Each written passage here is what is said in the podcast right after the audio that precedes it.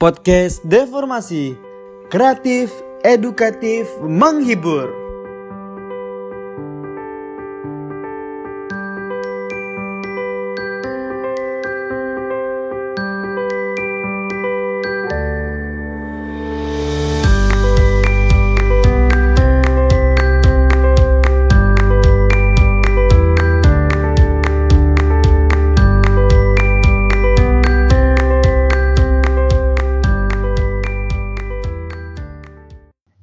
Sobat Sulit, ketemu lagi di podcast Deformasi. Nah, hari ini yang membawakan podcast ini adalah aku.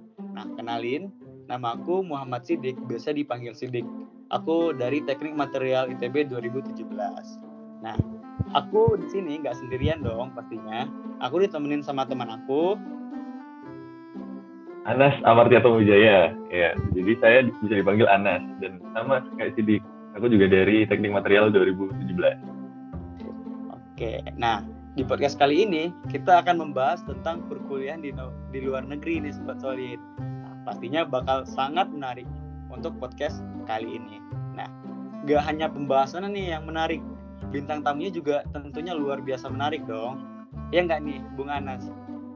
Iya, jadi sebenarnya ya, uh, pembicara kali ini atau bintang tamu kali ini itu dari mahasiswa kalau tidak salah ya mahasiswa S3 di Taiwan loh uh, dengan program studi teknik material. Itu. Uh, jadi langsung saja kita perkenalkan Kak Oza Hernanda. Silakan Kak. Gimana Kak kabarnya? Halo. Assalamualaikum Halo. warahmatullahi wabarakatuh. Waalaikumsalam warahmatullahi wabarakatuh. Oke Alhamdulillah baik di sini. Kalian sehat kan ya? Kemarin oh. enam oh. bulan yang lalu tuh Anas sempat aku undang ke apa namanya material room gitu kan. Nanti kita bahas lah. Uh, oh iya, gitu. siap siap. Oh, jadi inget dulu nih waktu diwawancarai uh, Kak Ozia. Sekarang kebalik ini, aku yang wawancarai Kak Ozia. Oke. okay. Mungkin bisa diperkenalkan dulu Kak latar belakang Kakak. Ini hmm. mungkin asalnya dari mana, terus kuliahnya dulu gimana? Hmm, hmm, hmm. Oke. Okay. Uh, namaku Rahman Dika Firdauza Hari Hernanda ya. Jadi cukup panjang. Dulu di angkatan nama nama terpanjang kedua kalau nggak salah ya. Karena ada teman yang ini. Cuma dari kecil aku dipanggil Oza gitu kan. Nah uh, aku lahir di Bojonegoro 27 oh. tahun yang lalu ya. Itu bulan Maret. Nah terus uh, eh, SMP SD SD SMP SMA di Bojonegoro terus kuliah dulu sejujurnya aku sama sekali tidak uh, terpikir akan nyemplung ke material karena dulu selama SMP SMA uh, eh, intinya opsi pertama adalah kedokteran ah. jadi waktu oh. itu itu mungkin mungkin buat orang-orang ya itu eh, cita-cita uh, idealis semua orang gitu kan ya memang memang kayak gitu cuma dulu aku sempat udah udah mengatur sedemikian rupa lah rencana-rencana itu. Cuma ternyata uh, kelemparnya ke pilihan kedua waktu itu. Pilihan kedua oh. uh, di teknik material ITS jadi dulu tuh uniknya pilihan pertama FK pilihan kedua langsung teknik. Pokoknya teknik material ITS terus waktu keterima di teknik material itu pun jalur tulis kan. Nah uh, dulu masih belum terima waktu itu. Terus akhirnya daftar lagi dulu dulu mikirnya adalah aku nggak tahu Bandung sama sekali gitu kan. Jadi aku lebih memilih karena dulu juga ada ada saudara di Jakarta gitu kan. Uh, deket-deket Jakarta lah. Yang hampir coret juga. Jadi mikirnya dulu oh UI aja gitu kan. Ya udah aku daftar UI waktu itu simak UI pilihan pertama masih kedokteran pilihan kedua agak turun dikit. Apa dulu ya? Psikologi kalau nggak salah. Terus pilihan ketiga metalurgi. Sama lagi pokoknya intinya uh, ada lah eh, keinginan ke sana tapi jadi kayak side project gitu kan bukan bukan bukan primary gitu. Ternyata ya satu minggu sebelum tes uh, sakit. Jadi wow. satu satu minggu itu bener-bener opnam di rumah sakit dulu demam berdarah sama tipes gitu itu. Udah pokoknya udah bahkan sampai demamnya nggak tanggung tanggung dulu sekitar 39 40 derajat kalau nggak salah udah sampai kolaps nggak nggak nggak sadar waktu itu. Udah ya udah dokter nggak ngebolehin ya udahlah oke material. Cuma dari situ di material tahun pertama ya nyaman nggak nyaman lah dulu itu cuma dibetah-betahin karena pikirannya adalah oh masih masih pengen kedokteran gitu. Tapi setelah ternyata masuk tahun kedua udah mulai nyaman, udah mulai nemu lab gitu kan. Oh, ternyata di teknik material nggak cuma uh, engineering solid gitu kan. Yang yang ya udah engineering doang gitu kan nggak ternyata kita juga bisa mepet-mepet ke kedokterannya juga gitu. That's why aku dulu S1 ngambil risetnya di biomaterial. Jadi udah Oh. selama tiga setengah tahunan lah itu ngomongin tentang biomaterial. Pokoknya udah full biomaterial. Sampai pada akhirnya di tahun ketiga kalau nggak salah itu aku apa ya itu intinya kayak pelarian juga dalam arti ah aku nggak bisa jadi dokter nih gitu. Gimana caranya harus sekolah doktoral gitu. Udah dan itu itu itu udah udah jadi jadi masuk lah Da- dari tahun ketiga itu udah mulai cari-cari jadi udah udah coba-coba lah apply ke mana ke mana ke mana itu bahkan dari beberapa benua gitu kan itu udah hampir dicoba semua gitu kan. Australia doang sih enggak.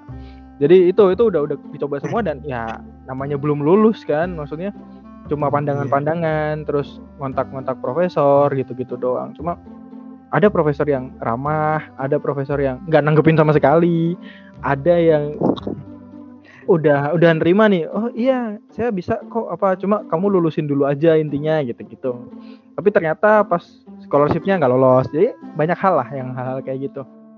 Sampai akhirnya di 2015 2015 akhir ini profku yang sekarang ini eh, ke kampus waktu itu lagi kunjungan ya udah aku coba approach beliau dan diterima. Akhirnya master di National Central University Taiwan terus waktu itu ada dua percabangan ya waktu itu ada ada percabangan dua di mana setelah lulus master aku mau kerja dulu atau langsung lanjut PhD tapi pada saat itu aku udah daftar. Intinya udah daftar dua kampus kampusku yang sama NCU juga National Central University sama kampusku yang sekarang National Chiao Tung University. Karena kenapa aku daftar dua kampus?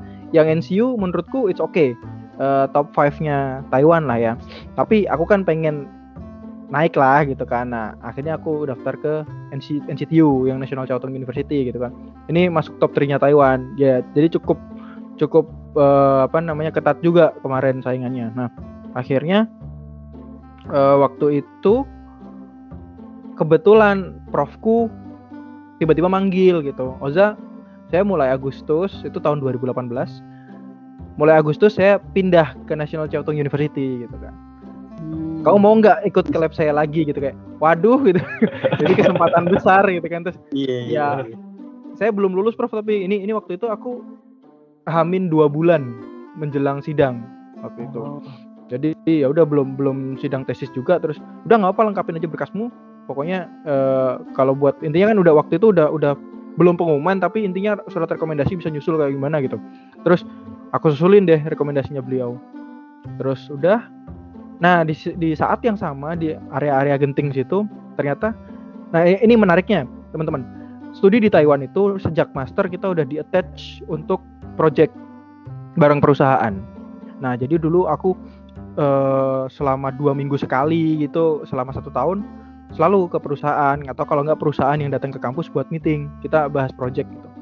Nah ternyata direkturnya sendiri approach kamu mau nggak abis lulus nanti langsung ke perusahaan saya? gitu. Itu kayak waduh itu itu a- ada ada dua percabangan di situ. Dan dia nawarin itu di depan prof. Nah prof udah bilang dia lo udah mau PS3 gitu kan. Di lab saya lagi dia bilang gitu terus aku ya ntar dulu lah prof. Saya pikir-pikir lagi gitu. Pokoknya udah udah di situ defense lah. Bayangin dulu tawaran gajinya nggak nggak tanggung tanggung di awal fresh graduate itu mereka nawarin kalau kurs 500 kita ngambil kurs 500 ya? Sekitar ya 20 lah mungkin. Waduh. iya baru sekitar fresh grade 20 ya. Hmm, hmm, sekitar 20 kalau nggak salah. 20-an lebih lah pokoknya. 20 25 kalau nggak salah. Itu mereka udah starting point di situ. Udah eh, segini gitu. Nah cuma mereka syaratnya satu kamu nggak boleh keluar dari perusahaan selama lima tahun ke depan kayak wah lima tahun aku mikir. Hmm lumayan nih jadi terus mikir-mikir lagi waktu itu eh, PhD kalau di Taiwan kan minimal empat tahun gitu. minimal empat tahun dan kalau misal lulus lima tahun itu standar. Jadi masih standar kalau lulus lima tahun. Empat tahun itu ya cukup cepat lah gitu. Terus akhirnya aku pikir-pikir wah lima tahun oke lah duit ngalir gitu kan. Tapi nggak dapat nggak dapat diploma kan akhirnya aku nggak dapat eh, degree. Terus di sisi lain dokteral ya dokteral sih oke cuma kalau kita ngomongin duit scholarship berapa sih gitu? Paling sepertiganya lah dari dari dari gaji itu nggak nggak sampai se- segede itu. Tapi at least aku kan nanti dapat degree gitu. Yang mana ketika nanti aku approach ke kerjaan juga pasti lebih tinggi karena di sini tuh standarnya kalau lulusan master ya segitu antara 20 25 juta kalau di kurs ke Indonesia. Eh kalau lulusan PhD itu sekitar mm, 35 lah at least. Ya sekitar Oh. segitu 30 35 lah. ya jadi ada ada upgrade 10-an juta kalau kita kita ini. It's okay lah ya apa eh, pending lima tahun gitu. Nggak tahu sih nanti nanti kita ngomonginnya adalah aku bakal lanjut atau enggak gitu jadi mak- makanya kayak gitu. Intinya dulu aku lulusan ITS terus eh, nyemplungnya ke material gitu kan. Terus terdampar di Taiwan 2016 dua tahun terus 2018 pindah kota. Jadi kita aku sekarang pindah kota. Dan kebetulan 2019 jadi kemarin habis nikah eh, istriku juga keterima master di kampus yang sama sekarang di jadi kampus Oh. S3 istri juga ikut S2 kita beda lab tapi sama-sama material sa- satu kampus ya kak? Mm-mm. dulu istriku ini UI metal metal UI Oh, terus berarti waktu S2-nya masih beda kampus. S2 nya enggak jadi istriku ini sekarang S2 Oh, beda Hmm. ini ya kakak S3, istri Kak Oza Hmm. S2. Mm, jadi istriku sejak S1 Oh. habis lulus S1 itu dia kerja dulu dia tiga tahun kerja Oh, di ya di beberapa perusahaan Masih menggeluti bidang biomaterial kak?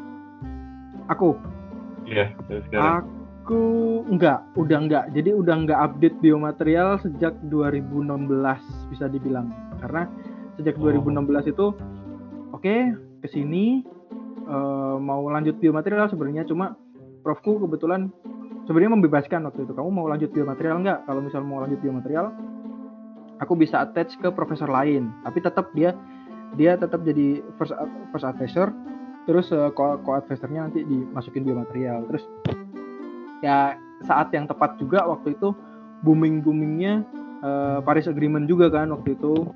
Jadi eh, pengurangan emisi terus intinya green green chemistry green energy itu semuanya lagi hype waktu itu 2016 ya. Terus aku kenapa mikirnya kenapa enggak kita coba hijrah ke bidang lain gitu kan. Karena menurutku it's okay aku udah udah paham dasarnya biomaterial seperti apa. Meskipun nanti kalau kita bisa misal ngomong ketika kemarin aku ngundang Mas Iman Adipurnama alumni material ITB juga beliau kan meng- menggeluti biomaterial dari mulai master PhD sampai sekarang eh, project asisten profesor beliau masih di biomaterial. Aku nggak bakal seperti dia pasti kalau untuk biomaterial. Cuma seenggaknya ketika diajak ngobrol nyambung lah gitu tentang Ah, biomaterial jadi pikiranku that's okay. Aku hijrah aja lah. Coba ilmu yang lain gitu. Akhirnya sam dari 2016 sampai sekarang 2021 udah berapa tahun berarti? Hampir lima tahun ya. Itu eh, aku pindah ke energy storage. Jadi dulu pegang pertama kali pertama kali energy storage udah dikasih project yang dalam artian agak impossible. Zaman itu aku bilang karena magnesium battery. Magnesium battery bahkan aku nggak kebayang di S1 aja magnesium battery kayak gimana gitu kan. Paling yang yang paling kita tahu ya lithium ion battery pasti. Itu aku udah dikasih di challenge sama prof. Oke kamu selama 8 bulan belajar magnesium battery kamu pelajari elektrolitnya kayak aduh elektrokimia tuh mata kuliah yang aku paling gak suka di S1 kan? Hmm, oke. Jadi bener-bener 8, 8 bulan tuh kayak bener-bener switch otak lu dari yang awalnya biomaterial pindah ke energy storage tuh kayak magnesium lagi kan? Magnesium kan yang dimainkan nggak nggak nggak kayak lithium. Kalau lithium kan yang main ionnya do ion ion satu doang kan? Li plus. Kalau magnesium kan Li eh, Li dua eh, Mg 2 plus gitu kan. Magnesium Mg 2 Mg 2 plus jadi kayak mikir wah ini ion 2 nih diapain nih gitu kan. Waktu itu aku sama sekali buta di baterai. Tahu dasarnya doang tapi nggak nggak yang aplikasi. Di sini magnesium 8 bulan nyoba terus beberapa material. Uh, intinya targetnya prof nggak tinggi tinggi dalam arti kamu bisa ngikutin aja. Ya bisa ngikutin aja paper ini selama 8 bulan nanti kita ngomong ngomong project selanjutnya. Ternyata setelah 8 bulan aku merasa nggak puas sama itu. Jadi secara target mungkin uh, dulu targetnya adalah 130 mAh per gram gitu kan secara secara capacity tapi aku aku bisa reach itu sedangkan targetku sendiri ada satu paper yang bisa ngerit sampai 135 140 gitu kan. Oh, iya. Oke, nggak nggak aku nggak puas gitu kan itu akhirnya aku sama prof bilang prof aku nggak bisa nih kayaknya buat ngembangin magnesium karena so far aku cuma bisa approach itu doang nggak bisa uh, beyond gitu kan terus akhirnya ya udah kamu mau mau apa itu sekarang? Di situ aku bikin proposal uh, tentang silikon. 2017 itu cukup booming silikon waktu itu. Uh, awal-awal aku kenal sama grupnya uh, material di Stanford, Profesor Ichui. Nah, Profesor Ichui itu dia nyiptain sekian generasi silicon uh, anode buat baterai. Jadi aku baca papernya dia full kayak, oh menarik nih kayaknya, kayaknya bisa. Tapi uh, apa ya? baterainya dia di silikon tuh expert expert banget bangetan bener-bener kayak uh, secara teoritikal dia kuat dan secara alat dia mumpuni bener-bener kayak gitu nah aku pengen bikin something yang oke okay, secara alat kita hal yang simpel aja teknologi simpel tapi bisa reach generasi yang terbaiknya dia lah intinya. Aku sempet mikirin kayak gitu. Cuma waktu itu bikin proposal profku bilang wah kayaknya kita nggak ada funding nih kalau buat proposal ini. Waduh di situ kayak hmm. terus profku tiba-tiba itu oke okay, tunggu deh tiga hari ke depan nih tiga hari ke depan alhasil ini profku bilang Oza kita ada tawaran funding tapi kamu harus bikin proposal lagi. Tapi proposal ini kamu convert ke PowerPoint gitu kan oh gitu prof iya minggu depan direktur perusahaan ini datang gitu Waduh, terus saya gimana, Prof? Ini pertama kalinya saya presentasi depan perusahaan. Maksudnya yang topik topik yang benar-benar baru kan. Kalau biomaterial dulu pernah presentasi, tapi kan seenggaknya aku pernah menguasai itu tiga tahun gitu kan. Tiga tahun di akhir presentasi itu oke. Okay. Nah ini baru pegang 8 bulan, baterai pula di di mata kuliah yang so far aku jujur aja elektrokimia tuh aku paling nggak suka sejujurnya. Selama S1 jadi kayak bener-bener aduh di depan direktur. Terus aku nanya lagi prof background direkturnya apa nih? Itu oh dia ini uh, eh, PhD di material. Aduh aduh wah itu waduh di situ. Oke oke prof oke gitu terus akhirnya di situ ada satu postdoc dulu. Dulu posku uh, profku tuh punya satu postdoc yang sekarang dia kerja di China Steel. Beliau bilang dokter yang namanya.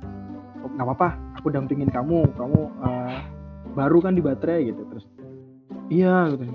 Ya udah ayo tak dampingin gitu. Aku bikin PPT terus dokter yang yang coba oh iya ini kayaknya ini di, di slide ini dinaik turunin gitu gitu lah pokoknya di nah itu the first time 2017 aku presentasi depan direktur itu. Dan 30 menit presentasi itu udah ya Allah 30 menit presentasi itu udah sama kayak sidang tugas akhir zaman S1 pertanyaannya tuh udah ini kamu apa namanya uh, dasar teorinya dari mana? Terus keinginan kamu kayak gimana? Timelinenya seperti apa? Material yang kamu pakai dan kayak gimana? Itu detail banget ditanya. Aku udah ya Allah ini dan di situ aku ditungguin sama profku sama postdoc itu.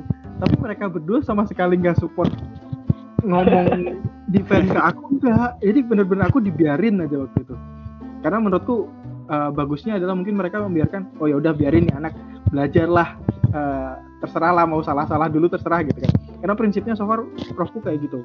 Intinya kalau kalau eh, diskusi project kayak gitu kita dibiarin berpendapat dulu baru mereka eh, beliaunya nyanggah kayak kamu yakin pakai itu? Gitu kayak gitu. Jadi aku waktu itu udah ngomong aja ngalir dan direkturnya bilang oke saya rasa solid kok ininya eh, teoretikalnya. Oke kita kontrak project satu tahun ya gitu. Udah akhirnya dapat satu tahun Ah. sampai tahun depan di provide eh, material. Dan aku nggak nggak nyangka bahwa provide materialnya dia tuh sampai sekarang. Jadi sa- sampai sekarang ini masih masih terus di provide materialnya sama dia. Berarti Berarti udah satu, tahun 17. lebih. Gimana gimana Berarti satu tahun lebih itu kak. Jadinya. Hmm, jadi aku sampai 2018 itu eh, sampai lulus kan, sampai project udah kelar dan beliau nawarin nawarin kerjaan juga itu. Terus aku bilang, aku kayaknya milih PhD aja waktu itu di, di akhir lah, waktu bulan Juli kalau nggak salah. Aku PhD aja, mungkin next time kita bisa kerja sama lagi gitu. Terus ternyata waktu aku masuk PhD, dia tetap ngelanjutin project lain tapi sama profku Nah, aku udah udah pindah jadi PIC project yang lain lagi kan, beda lagi. Nah, tapi eh, waktu itu aku ngontak ke, ke beliaunya, aku butuh material ini gitu kan buat eh, apa paper kedua aku gitu. Terus, oh oke gitu. Ya udah dikasih lagi sekarang di provide material. Jadi bener-bener aku kalau pengen material tinggal tinggal kontak ke dia butuh apa dikirim gitu, dikirim paling ya setengah kilo gitu-gitu. Bener-bener Oh. ya, kayak gitulah. Wah, ternyata panjang juga ya kak. Ah, Dari bener-bener dulu. kalau terkait ituan panjang lah aku movingnya Terus untuk selama Kak Oza dari eh, selama Kak Oza berkuliah di Taiwan sendiri tuh kira-kira ada beasiswa yang meng- mengakomodasi nggak Kak? Mhm. oke jadi kalau beasiswa sebenarnya kalau di Taiwan ini banyak banget pilihannya beasiswa karena untuk beasiswa itu di Taiwan punya primary apa ya primary source itu sebenarnya yang yang paling paling banyak itu ada tiga gitu kan. Yang paling banyak di, di approach teman-teman. Yang pertama dari MOST Ministry of Science and Technology. Yang kedua eh, Ministry of Education. Jadi mereka berdua ada juga. Nah ada yang ketiga adalah kampus. Nah kampus ini eh, nggak terlalu banyak apa namanya syarat macam-macam cuma ya udah kita tinggal masuk nggak perlu daftar-daftar lagi intinya OIE menawarkan ini kamu harus mempertahankan nilai segini rata-rata dalam dua semester.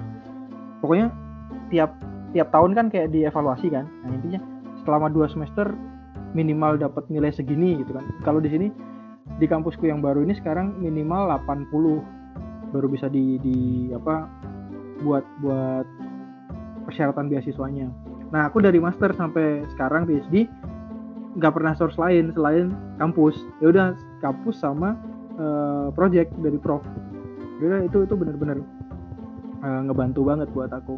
Cuma teman-teman yang lain kebanyakan itu MOST ada terus MOE sama satu lagi ini yang buat beasiswa untuk negara-negara berkembang namanya ICDF nanti di search saja sendiri nggak apa-apa. Nah itu sih so far empat ya empat empat source eh, MOST MOE kampus sama itu kalau yang buat negara-negara berkembang ada ICDF sama kalau misal teman-teman mau ya ada sebenarnya source-source lain dari perusahaan atau dari kerja sama Indonesia sama eh, Taiwan. Cuma itu agak jarang. Terutama sekarang pandemi ini kayak aduh banyak banget beasiswa yang ikat. Oh, jadi tiga itu dari da- kalau dari pemerintah Taiwannya sendiri gitu Kak? Oh, Hmm, hmm, hmm, oh, iya, iya.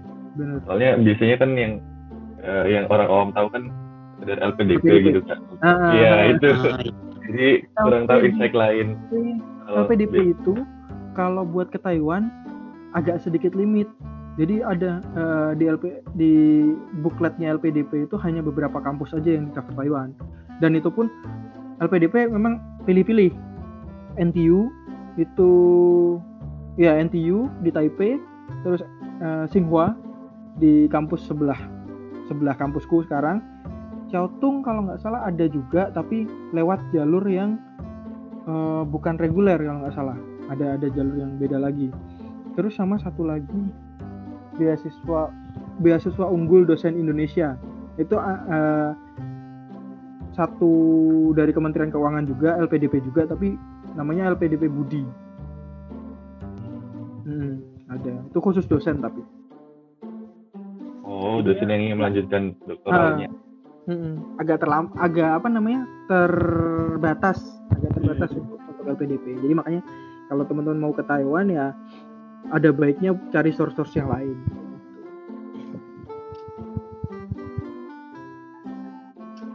Eh, kalau dari pengalamannya Kak Ojo sendiri, Hmm. sudah eh, S1, S2, dan S3. Kira-kira apa sih beda lingkungan perkuliahannya gitu Kak? Hmm. S1, S2, atau S3 lebih bebas kayak atau gimana? Hmm, bagus banget pertanyaannya. Jadi ini pertanyaan apa namanya yang sebenarnya eh, penting diper- di- ditanyain atau penting juga diketahui teman-teman. Cuma so far pertanyaan-pertanyaan semacam ini tuh agak jarang keluar dari teman-teman karena eh, mereka cuma fokus kak beasiswa gimana, kak eh, suasana apa namanya risetnya gimana, udah gitu aja tanpa kita bisa tahu difference-nya kayak gimana gitu kan. Padahal bedanya antara S1, S2 sama S3 sebenarnya cukup signifikan. Kalau misal kita kita eh, apa ya, kalau kita ingin ngomongin terkait eh, idealnya. Karena S1 kita ngomong eh, sesuatu yang masih terkontrol. Dalam arti kita masih sering banget di S1 kita punya ini kan ya, dosen wali. Iya, iya. Nah, Iya, kan? benar. dosen wali di mana kita tiap semester ketemu, tiap eh, apa namanya ada kesulitan kita bisa ngomong kayak kayak kalau di SMA tuh guru BP lah ya sama wali kelas gitu kan Hmm. kayak gitu kita bisa kayak gitu jadi ngobrol pak masalah saya gini sampai kadang-kadang pak saya susah belajar gini gimana gitu-gitu kan kadang ada lah dulu temen aku sering sering banget kan kita dulu dosen wali itu dibagi per per apa sih namanya? Nim nim. NRP dulu Oh, namanya. iya. Nah, nim. Nah itu eh pasti nanya pak saya kok susah banget pak belajar gini-gini. Jadi ada ada diskusi yang secara personal bisa kita sampaikan sama pembimbing pembimbing yang dosen wali.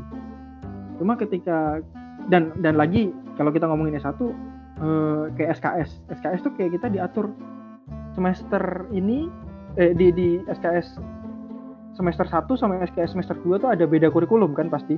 Dan itu ada mata kuliah wajib yang kecuali kalau kita, misal kita pengen ngambil SKS tambahan kita bisa ngambil SKS selanjutnya gitu kan bisa kalau udah masuk ke master kita udah bener-bener bebas dibebasin 100% kamu mau ngambil SKS apa mau mau apa namanya cari mata kuliah penunjang apa buat riset kamu ya terserah.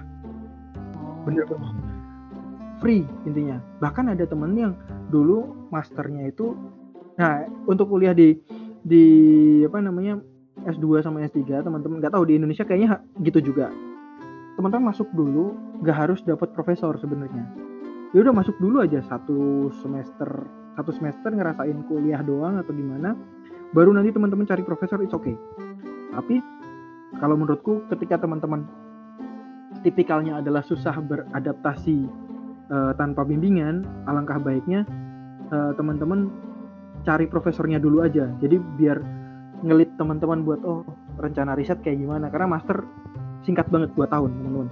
Kalau master kita ngomongin misal master dilama-lamain tuh kayak mikirnya wah nggak enak nih timeline hidup kita terbengkalai gitu kan.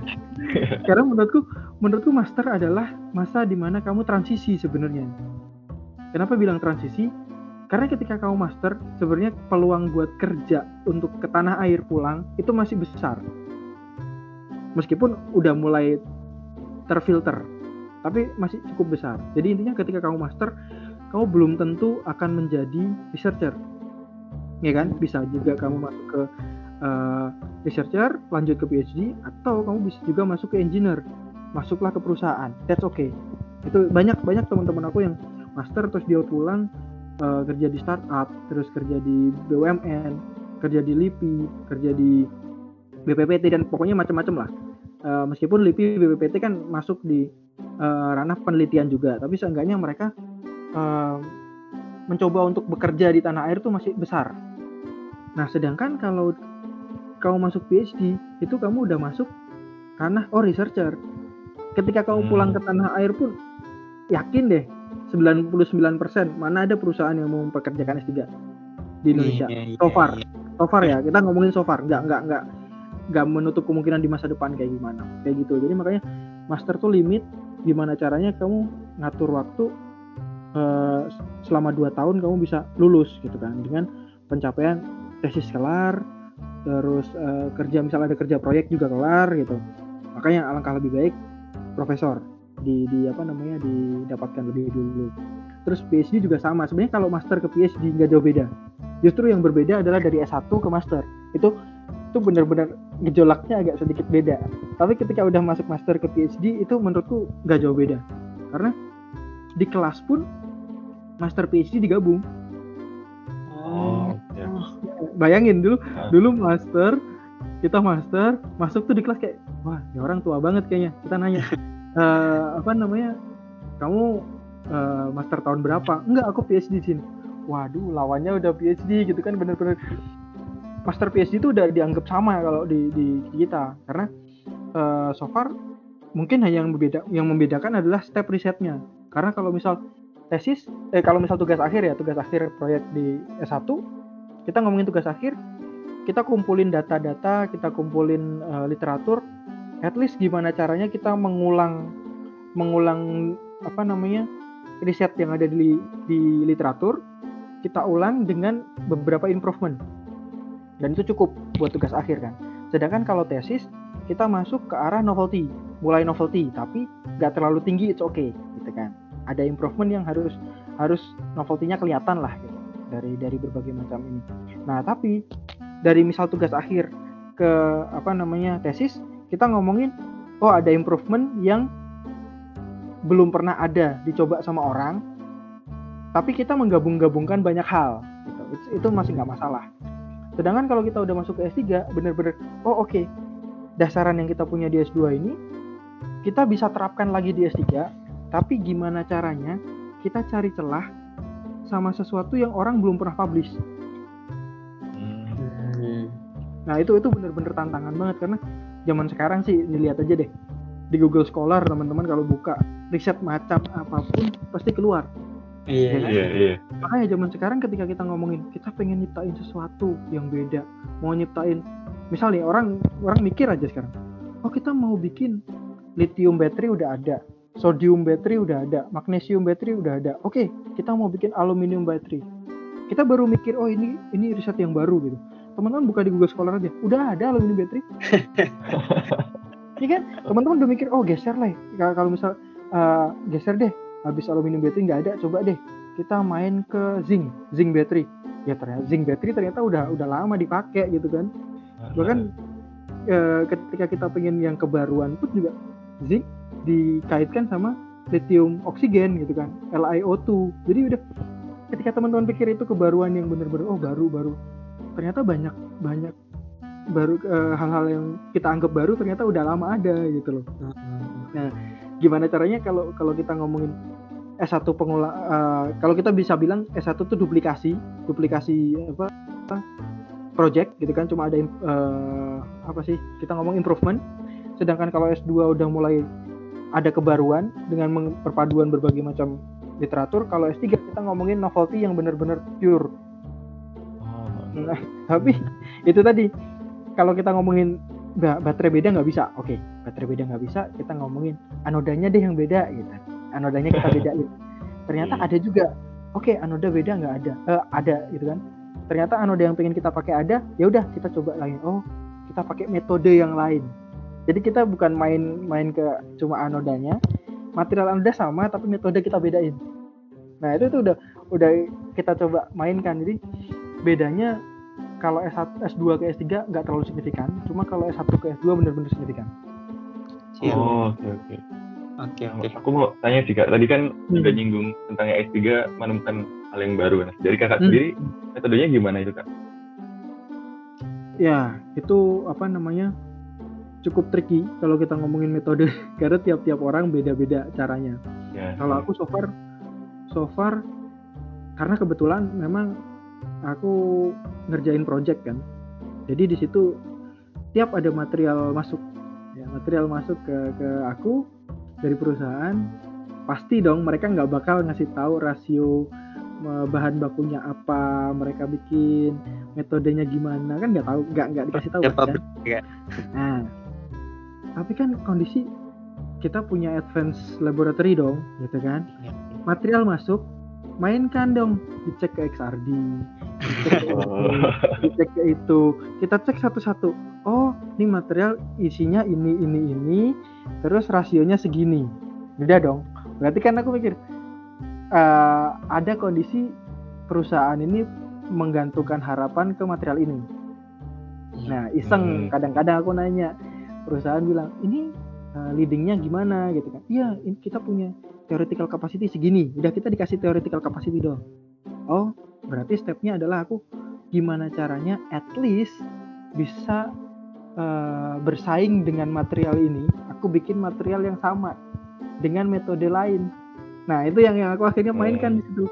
Bener-bener kayak, oh perusahaan ini misal nih, silicon sama ngomongin silicon sama graphite misal silicon graphite tapi dia udah mix dia udah mix dalam satu jadi satu material dia bikin merek dagangnya khusus. Ini tolong diuji tapi ini belum rilis ke pasaran ya.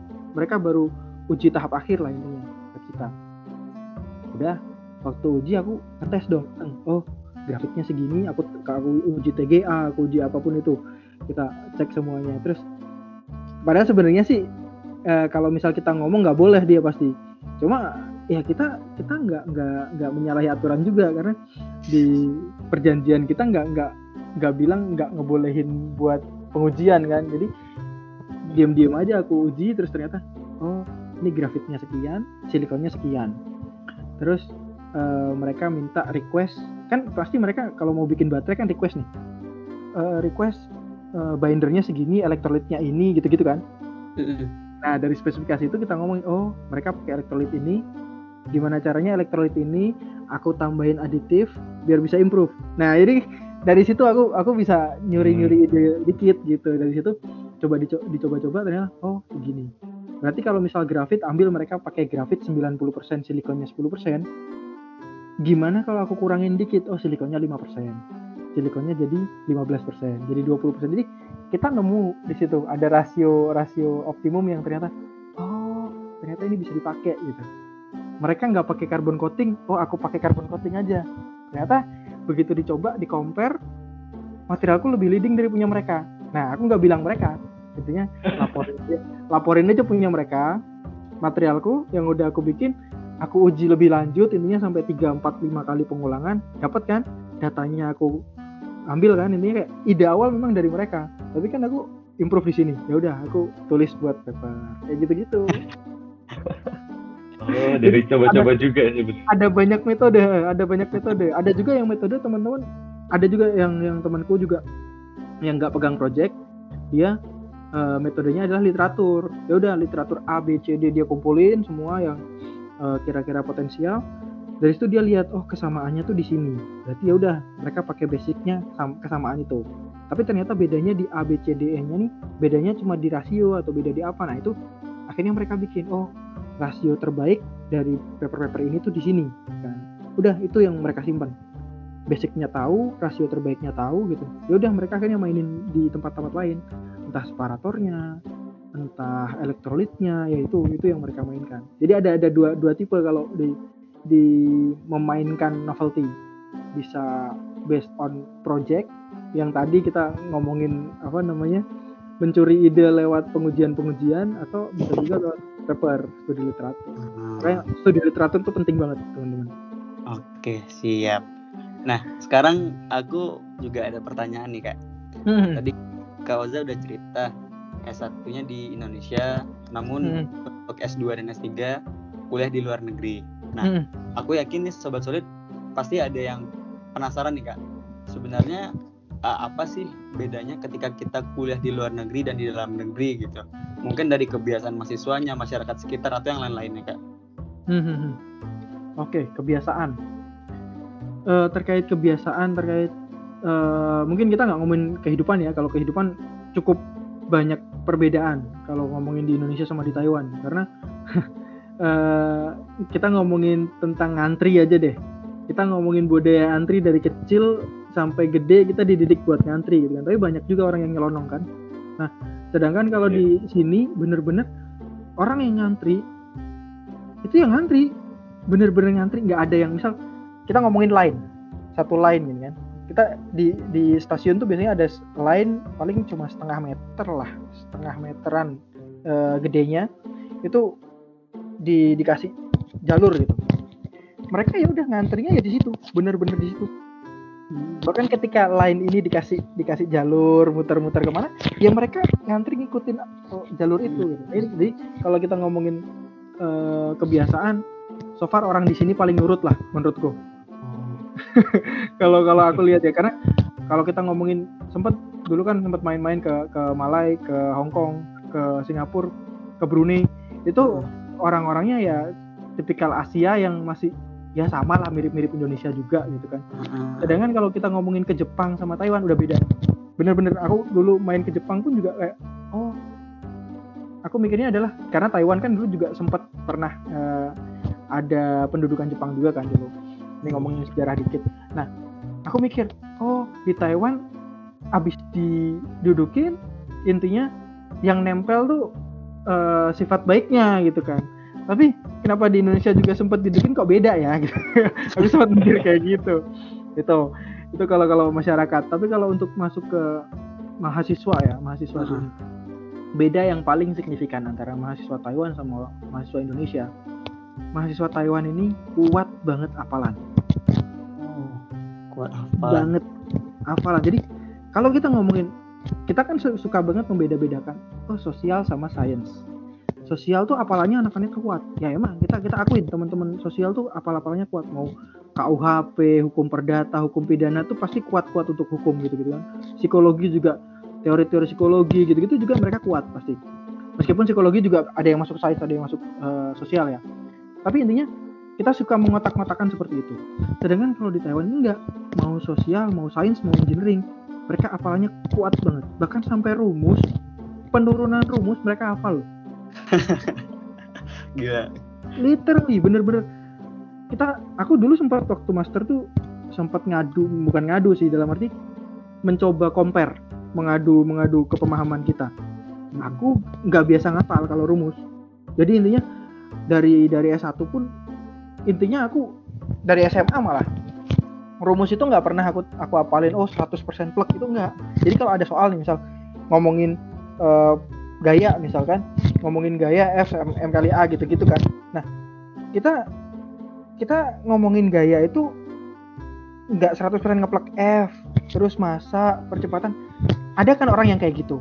Cuma aku nggak bisa. Aku tuh lebih ke arah oh gaya gaya ini unitnya apa ya? Gitu. Aku ngomongin unit. Kita kan ngomong Newton nih kan.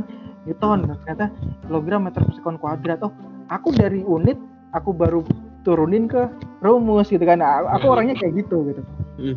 jadi ngapal lebih ke arah ngapalin unit aja lebih gampang. Orang sini enggak orang sini tuh dari awal step pertama sampai step terakhir dia apal mantap nancep di otak. bener-bener waktu penurunan rumus aku tuh masih ada step-step yang aku lewatin. Aku Nah, lewatin yang penting ya udah hasilnya segini oh segini segini.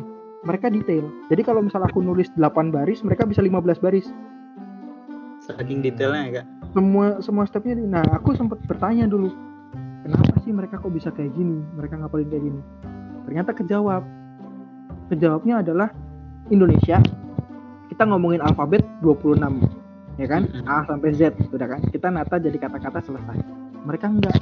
Aksara mereka tuh lebih dari 30 ribu Waduh banyak banget enggak 30 ya aksara, aksara Mandarin kan bahkan lebih lagi malah. Kalau kita ngomongin ancient ancient aksara yang ancient ancient yang lebih kompleks lagi bahkan sampai jutaan karakter mungkin. Iya, iya. nah mereka terbiasa untuk menghafalkan karakter. Bah, nulis Chinese tuh susah loh. Stroke iya, iya, tuh hitung. Jadi aku aku dulu dua tahun dua tahun master tuh cuma enam bulan dapat um, dapat mata kuliah Chinese. Terus PhD uh, eh, selama empat semester aku kudu ngambil mata kuliah Chinese. Karena syarat beasiswa kan. Tuh aku satu semester disuruh ngapalin 300 karakter aja itu udah pusingnya masya Allah. Serius serius bener-bener kayak ya Allah 300 karakter satu semester. Bayangin ya Allah 300 karakter. Sebenarnya kan dikit sih sebenarnya kalau kita ngomongin per di- dibagi per bulan. Tapi kalau kita ngapalin stroke-stroke-nya tuh susah gitu. Dan mereka apal di luar kepala? Ya apalan itu itu itu beda yang paling signifikan adalah mereka ha- menghafal kita eh, lebih ke arah comprehend kita mencoba mengerti gitu kan. Minusnya adalah karena mereka banyak menghafal kadang-kadang mereka mengabaikan untuk mengerti. Hmm. angka diganti dikit error mereka. Udah kayak aduh gimana nih? gitu. Iya, nah kalau iya. kita kan ngomongin ngomongin ah angka diganti rumus masih sama kita mainkan masih bisa gitu kan.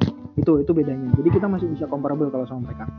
Itu yang pertama. Yang kedua eh, yang kedua bedanya adalah mereka lebih terpacu untuk eh, belajar mandiri kalau di kita nggak bisa nih kita nggak bisa kita cenderung oh nyari orang buat ngajarin atau gimana gitu kan Hmm. Eh, nyari nah karena ini jeleknya sih di sini orangnya lebih cenderung cuek-cuek Oh. Nah, jadi mereka lebih ke arah ah bodoh amat gimana caranya pokoknya gue harus bisa.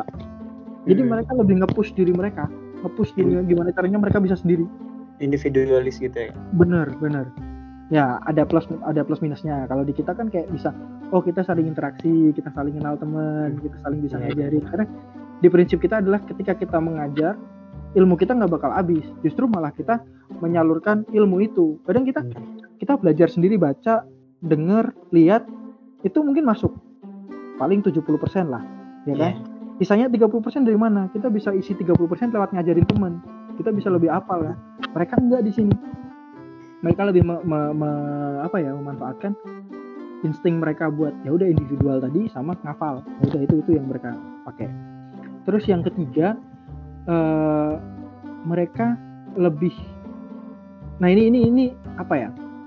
Mereka itu nggak mudah percaya sama profesor. Kalau menurutku ya, kalau menurutku, kalau di kita eh, dosen bilang A, kadang-kadang kita bilang oh ya udah, gitu kan? Intinya kita kita lebih lebih suka cukup apa ya? Lebih suka merasa cukup dari keterangan dosen aja. Kadang-kadang kan ada mahasiswa yang kayak pernah nggak punya temen yang di kelas kayaknya nggak pernah dengerin seolah-olah kayak main-main doang, tapi di ujian bagus Ada gak? ada kan pasti ada yang kayak gitu karena mereka cuma ya udah mereka meng- hanya mengandalkan informasi yang masuk dari kuping mereka ke kuping mereka maksudnya. Dari dosen di A B C D E dia, ngafal sendiri.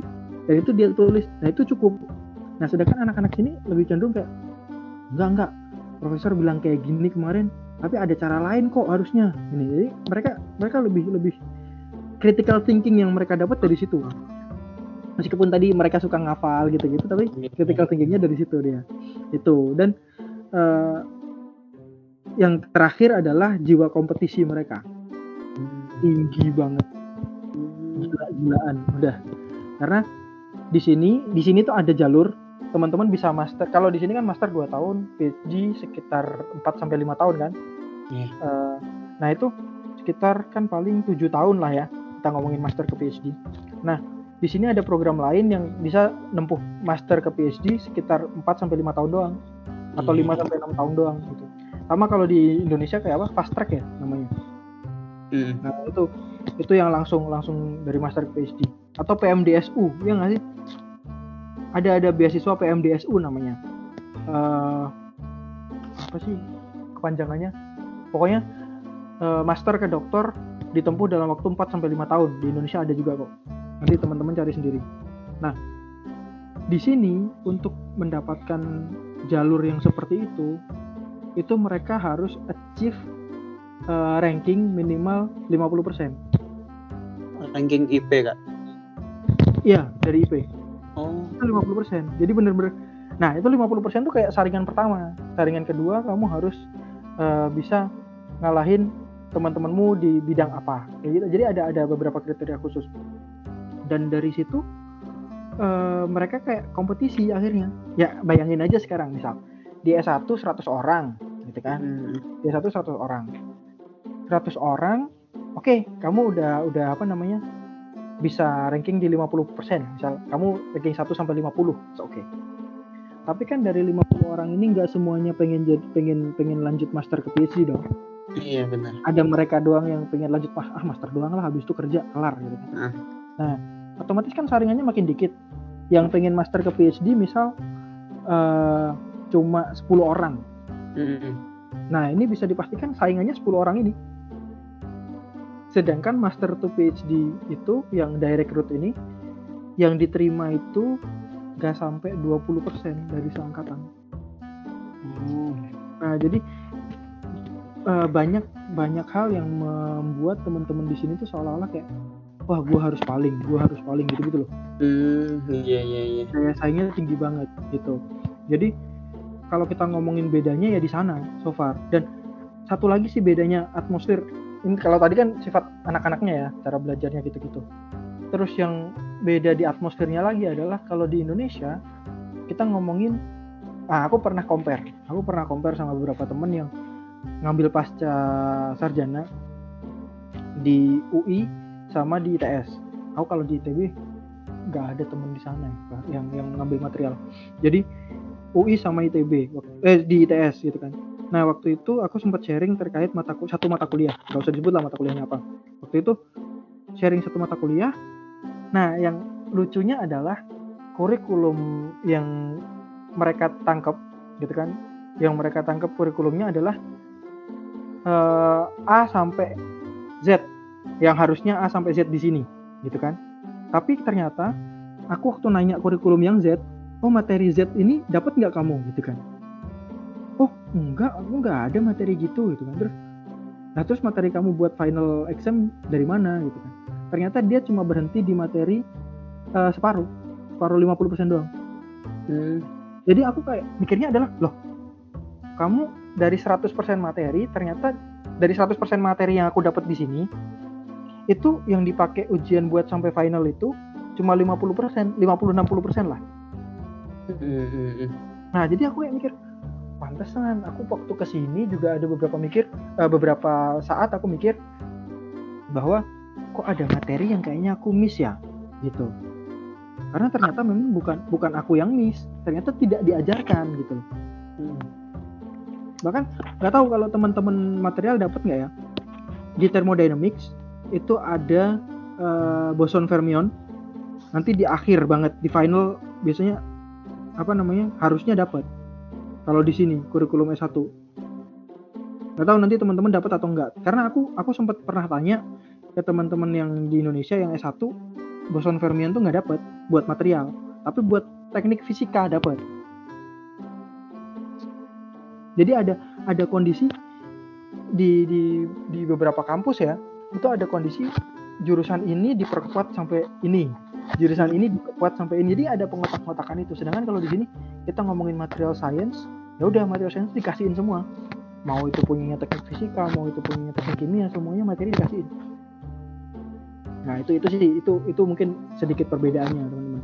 Oh, Jadi- iya iya. ya kalau teman-teman masih mungkin masih ada agak lama ke kamp- di kampus ya eh, apa namanya sering-sering sharing lah sama dosen-dosennya. Pak eh, adik-adik dikasih materinya ada tambahan gini-gini gitu gitulah paling biar ada improvement juga Iya, benar.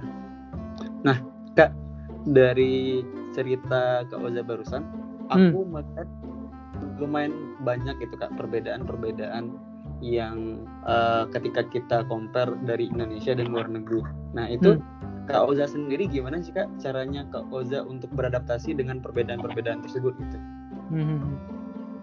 Oke, kalau untuk adaptasi, ya kita kita nggak bisa bilang ah, adaptasi yang aku jalanin bakal work ke semua orang gitu kan, karena orang punya apa ya ketahanan adaptasi sendiri dan punya Iya. durasi untuk eh, lebih bisa survive gitu kan. Kalau di aku, aku pada dasarnya kalau untuk belajar sendiri, kebetulan aku tipikal orang yang belajarnya lebih suka individu dari S1. Meskipun aku jadi intinya gini, ketika aku sulit, ketika aku merasa kesulitan, aku nggak bakal eh, langsung wah nanya temen yang lain dong. gitu. Karena jujur jujur ya ini mungkin jelek juga buat buat eh, apa secara secara general ini mungkin jelek karena aku lebih ke arah aku nggak mau kelihatan lemah di, di hadapan orang lain. Iya, iya. Ya itu itu nggak tahu ya teman-teman teman-teman telah sendiri lah. Intinya aku tuh dulu Gitu. agak agak sedikit gitu. Nah dari situ kalau kalau istilahnya anak-anak gimana? ya? Ambis ambis.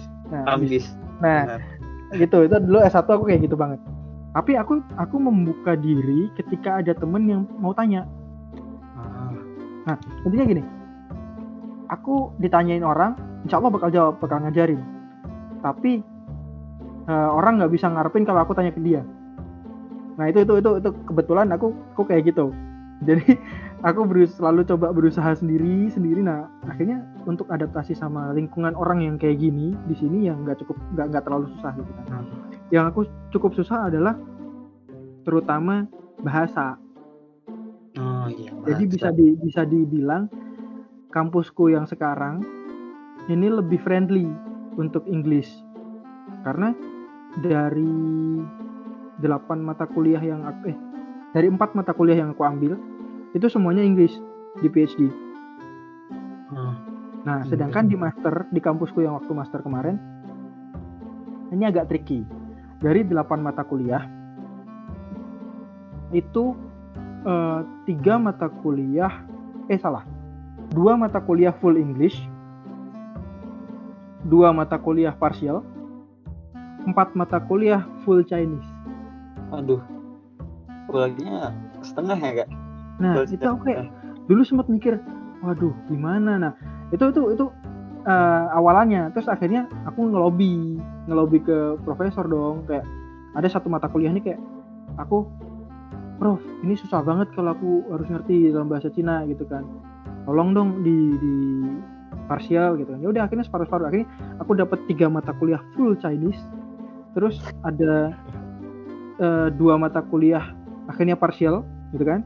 Nah ada satu mata kuliah yang sebenarnya parsial tapi aku ngelobi lagi ke profnya prof ini mahasiswa internasional di kelas 50-50 gitu kan. Minta tolong dong di full English gitu kan. Oh ya udah nggak apa-apa. Akhirnya ya udah dapat tiga mata kuliah full Chinese dua mata kuliah parsial tiga mata kuliah full English. Jadi itu Oh. perlu perlu lobbying. Nah itu Iya. salah satu salah satu cara surviveku kayak gitu. Aku iya. gimana caranya ngeliat oh nih profesor eh, apa kayaknya bisa nih di lobby gitu. Ya udah aku coba lobby prof. Bahasanya dong di dikasih pengantar gini gini gini gini. Nah, tapi kita sudah melobi kan otomatis kita punya beban. Beban moral tersendiri bahwa lo udah ngelobi terus eh, nggak belajar mau jadi apa gitu loh. Masa profnya udah ikut kita enggak gitu kan? Akhirnya gimana caranya kita kita bikin gimana caranya mata kuliah yang full Inggris kita harus at least lima besar gitu kan. Ya udah itu itu effortnya di sana. Bener-bener ya udah akhirnya bener-bener mata kuliah yang full Inggris parsial tuh kita harus effort banget. Tapi sedangkan yang full Chinese ya kita kayak ya kita berharap apa gitu kan. Kita cuma bisa ngandelin slide-nya beliau memang bahasa Inggris. Tapi ngajarnya full full Chinese. Kita mau nanya apa coba? Ya bayangin ya kocaknya adalah mereka ngajar profesornya ngajar full, full Chinese terus, di akhir dia bilang any question? Ya kita pelang pelongo lah. Apa yang di questionin coba kan? Iya iya. Nah, itu kayak bener-bener hmm, cukup cukup susah sih gitu. Akhirnya ya ya dari situ ya dikit-dikit akhirnya kayak belajar bah- bahasa lah otomatis biar ada nangkep nangkepnya dikit lah meskipun gak 100% jadi gara-gara itu akhirnya sekarang tiap ada teman-teman yang ngomong Chinese aku agak sedikit oh aku paham. Dia lagi ngomongin gue nih gitu gara-gara itu kita coba belajar dikit-dikit gitu. Meskipun aku kalau buat ngomong ngomong yang buat eh, bahasa teknikal bahasa kampus itu agak susah kalau buat Chinese. Tapi Hmm. kalau bahasa sehari-hari nanyain jam nanyain arah atau mungkin jual beli it's okay. Ya buat buat Chinese di pasar lah oke lah